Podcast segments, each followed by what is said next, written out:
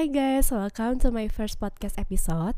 Jadi kenalin, gue Nisha Desi dan di sini gue nggak sendirian. Di sini gue bareng Malik, hai. Hai Malik, apa kabar?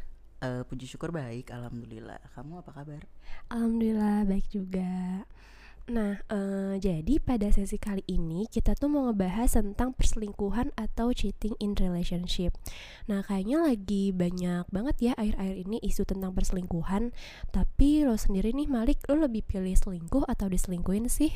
Kalau gue pribadi sih ya, gue lebih milih diselingkuhin karena gue itu nggak pernah kepikiran sampai sekarang untuk mengkhianati suatu hubungan. Kalau misalnya gue mau menjalin hubungan itu gue harus milih dulu nih orang yang mau gue jadiin sebagai partner gue itu seperti apa. Jadi nanti ketika gue udah milih gue nggak akan mau mencari yang lain. Karena kalau dari awal gue udah gak yakin gue nggak akan menjalin hubungan tersebut. Terus yang kedua gue itu nggak mau menyakiti hati orang lain karena diselingkuhin itu nggak enak gak sih?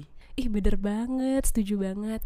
Emang lu pernah diselingkuhin ya Uh, pernah pernah.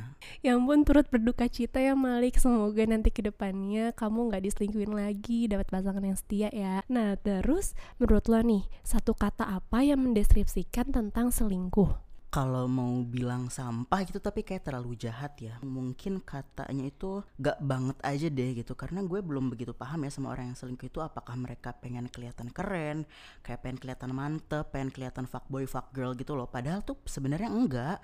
Atau mungkin karena mereka itu nggak puas dengan pasangannya. Kayak gue juga benar-benar sampai sekarang tuh belum ngerti ini kenapa ada orang yang selingkuh tuh. Dan untuk itu kan tadi untuk orang-orang yang selingkuh ya kayak nggak banget gitu. Terus untuk orang-orang yang diselingkuhin, misalnya gue nih, gue punya satu kata yaitu nggak apa-apa because I know my worth, I know my values dan ketika dia selingkuh, gue bakal berterima kasih sama Tuhan karena Tuhan itu baik banget udah nunjukin sikap aslinya dia dan menyadarkan bahwa dia itu bukan orang yang tepat, bukan yang terbaik untuk hidup bersama selamanya gitu loh maksudnya. Terus gue juga nggak perlu capek-capek ngadepin dia yang biasanya orang yang selingkuh itu punya banyak red flag gitu loh dalam hidupnya dalam sikapnya. Jadi gue tuh nggak perlu mencari-cari alasan untuk bisa keluar dari hubungan itu karena Tuhan udah nunjukin kalau dia itu udah nggak baik gitu dengan cara selingkuh tadi. Menurut gue gitu sih. Oh my god keren banget. Aku setuju banget sih. Soalnya emang kalau uh, selingkuh itu pasti itu tuh sebuah pilihan gak sih? Sebuah keinginan gitu dari diri dia sendiri. Karena tidak ada kepuasan uh, dari pasangannya itu. Iya ya benar banget. Itu kayak orangnya ah, dibilang gila kayaknya terlalu kasar kayak apa ya brengsek mungkin ya. Itu kasar juga ya. Nah uh, terus menurut lo kira-kira hal apa aja sih yang bisa menyebabkan seseorang itu menjadi selingkuh? Alasan ya. Kalau menurut gue orang yang selingkuh itu ya orang yang selingkuhnya brengsek aja sih.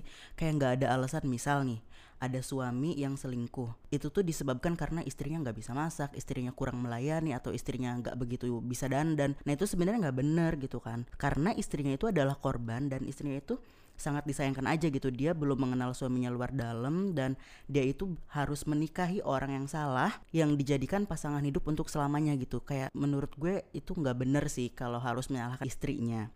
Dan kalau ada orang yang bilang kalau selingkuh itu karena ada kesempatan itu juga gue nggak setuju karena menurut gue kalaupun ada kesempatan jika dalam hati orang itu atau dalam pikiran orang itu nggak mau selingkuhnya dia bakal tetap setia dengan pasangannya gitu. Dan dia bakal inget bahwa dia tuh udah punya pasangan dan nggak mungkin melakukan perselingkuhan itu. Jadi menurut gue ya brengsek aja sih orangnya. Nggak ada alasan. Iya bener. Setuju setuju setuju uh, itu tuh hampir sama kayak ini gak sih? Maksudnya selingkuh itu tuh udah habit banget. Dan lo pernah dengar gak sih ini once a cheater always a cheaters. Nah lo setuju gak sih sama itu? Iya iya pernah dengar juga sih. Tapi bisa bilang iya bisa juga enggak. Bisa iyahnya karena uh, orang yang selingkuh itu biasanya dia itu belum selesai dengan masa lalunya atau terjadi hal yang membuat dia itu ingin selingkuh apa pun itu ya maksudnya. Jadi dia tuh belum selesai aja dengan masa lalunya sehingga ketika dia selingkuh sekali selingkuh lagi selingkuh lagi karena itu udah habit yang tadi lo bilang gitu kan. Nah tapi enggaknya karena menurut gue setiap manusia itu tidak bisa dijudge uh, misalnya ada orang yang selingkuh sekali bakal selamanya selingkuh enggak bisa kayak gitu karena beda-beda gitu kan perilaku setiap orang tuh. Dan gue percaya setiap orang itu punya mindset yang berbeda-beda dan mungkin dia juga bisa berubah pada suatu saat gitu loh. Bukan berubah untuk orang lain tapi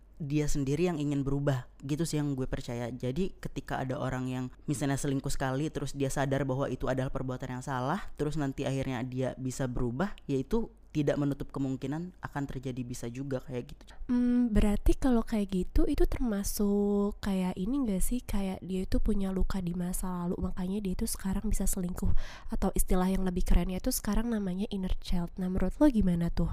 Oh iya sih bener berarti itu salah satu penyebab yang tadi lo tanyain selingkuh itu bisa jadi karena inner child di masa lalunya itu belum selesai atau masih ada luka yang belum tertutupi. Inner child yang terjadi di masa lalu itu akan mempengaruhi cara lo berpikir, cara lo bersikap di masa sekarang. Iya jadi uh, mungkin ini gak sih salah satu contohnya misalnya uh, orang itu waktu dulunya, waktu kecilnya dia itu tidak dirawat full dengan orang tuanya. Nah, ketika besar dia itu membutuhkan banyak banget kasih sayang dari orang lain.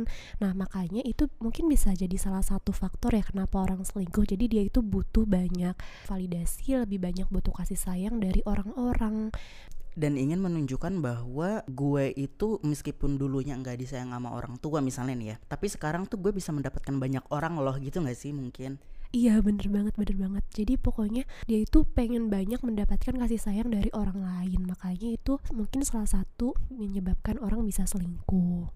Nah selanjutnya Nih gue ada pertanyaan nih. Hal sekecil apa sih yang menurut lo itu termasuk cheating?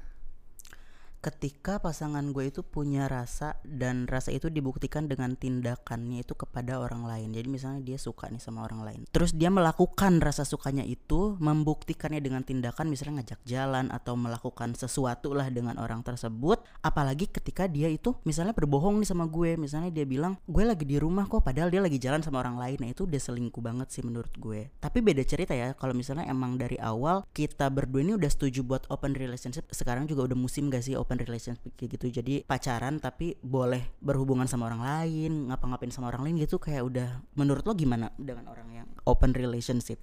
Hmm, kalau menurut gue sih, gue kurang setuju ya sama open relationship. Karena kan relationship itu kan menyangkut uh, dua orang menyangkut perasaan, menyangkut emosional gitu. Nah, kalau misalnya emosionalnya itu sudah terbagi, menurut gue itu tuh udah salah satu bentuk dari cheating. Nah, bahkan misalnya aja nih, uh, misalnya ada si A mencoba mendekati si B, masih baru mencoba ya, belum uh, apa namanya, belum mereka menjalin hubungan gitu. Menurut gue itu tuh udah termasuk cheating. He tried to cheating menurut gue gitu. Tapi syaratnya open relationship itu dia nggak boleh pakai perasaan. Jadi misalnya kita ngomongin kata-kata yang agak kasar nggak apa-apa kali ya berhubungan ahem dengan orang lain tapi tanpa perasaan gitu loh open relationship tuh hmm, tetap gak setuju sih oke okay. kalau gue juga sebenarnya sih gak bisa ya ketika gue punya partner terus partner gue ahem sama orang lain tuh kayak apaan sih? gitu. Tapi itu tadi gue lebih baik diomongin di awal misalnya dia nanyain ke gue apakah lo mau open relationship apa enggak? daripada dia harus melakukan ahem itu di belakang gue dan dia berbohong sama gue itu lebih gue nggak bisa terima itu sih. Iya bener-bener. Jadi kan kalau misalnya dia udah ngomong dari awal misalnya nanya nih sebelum jadian ya sebelum menjalin hubungan eh kita mau open apa enggak gitu. Gue bisa memilih nih apakah gue mau menyetujui itu atau enggak. Jadi gue punya hak untuk diri gue sendiri. Nah beda lagi kalau misalnya dia udah aham sama orang lain duluan terus dia baru bilang gue beberapa hari kemudian itu udah selingkuh sih menurut gue. Iya itu mah udah jelas banget selingkuh. Pokoknya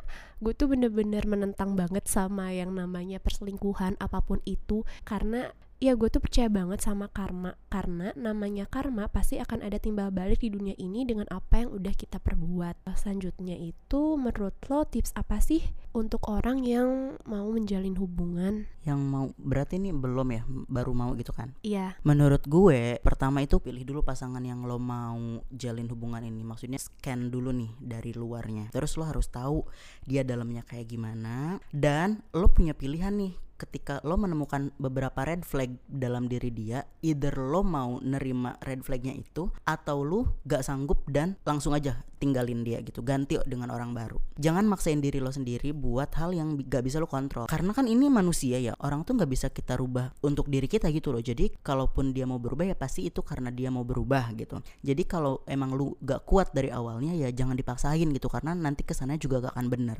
Terus yang kedua ya jangan cepet-cepet itu tadi dengan lo memilih pilih dengan lo mencari tahu info-info tentang dia, mencari tahu sifat dia itu kayak gimana, ya take time aja gitu. Jangan cepet-cepet dan jangan buru-buru merasa lo sendiri dan lo butuh untuk, ih gue pengen punya pacar, ih gue pengen pacar, jangan kayak gitulah. Terus kalau misalnya sekarang lo udah dapet nih orang yang lo mau terima apa adanya dan lo yakin untuk menjalin hubungan sama dia, oke, okay, sekarang lo merasa cukup nih, harus cukup. Jangan pernah ngelihat kurangannya dia dan mencari di orang lain karena itu bakal terus-terusan muncul bibit-bibit calon-calon perselingkuhan kalau misalnya lo nggak merasa cukup dengan partner lo yang sekarang jadi saran gue yang tadi di awal ya kalau lo nggak merasa yakin dengan partner lo sekarang ini lo mending pilih dia dan terima kekurangannya atau lo tinggalin udah itu aja sih menurut gue Iya setuju banget. Kalau menurut lo gimana nih tips eh, yang lain mungkin ada yang mau ditambahin gitu apa segala macam? Hmm, overall sih gue udah setuju ya sama lo. Mungkin tambahannya itu jadi pada saat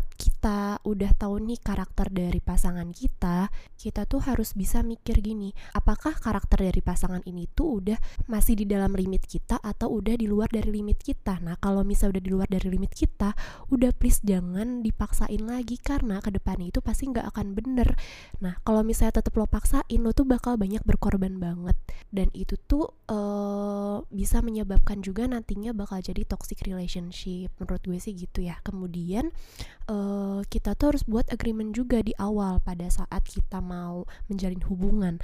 Nah kayak hubungan ini tuh mau dibawa ke mana sih? Maksudnya gini, jadi pasangan lo ini tuh ngelihat hubungan ini tuh sebagai apa? Apakah uh, sebagai untuk main-main aja ataukah untuk menjalin hubungan yang serius atau apa gitu tujuannya itu apa untuk hubungan ini? Kemudian kita ngelihat juga values dia. Nah, lo bisa tanya nih values dia tuh apa aja. Nah, kalau misalnya sama dengan kita berarti energinya tuh match kan. Nah, kalau misalnya energinya udah sama nih berarti lo bisa melanjutkan hubungan dengan dia gitu.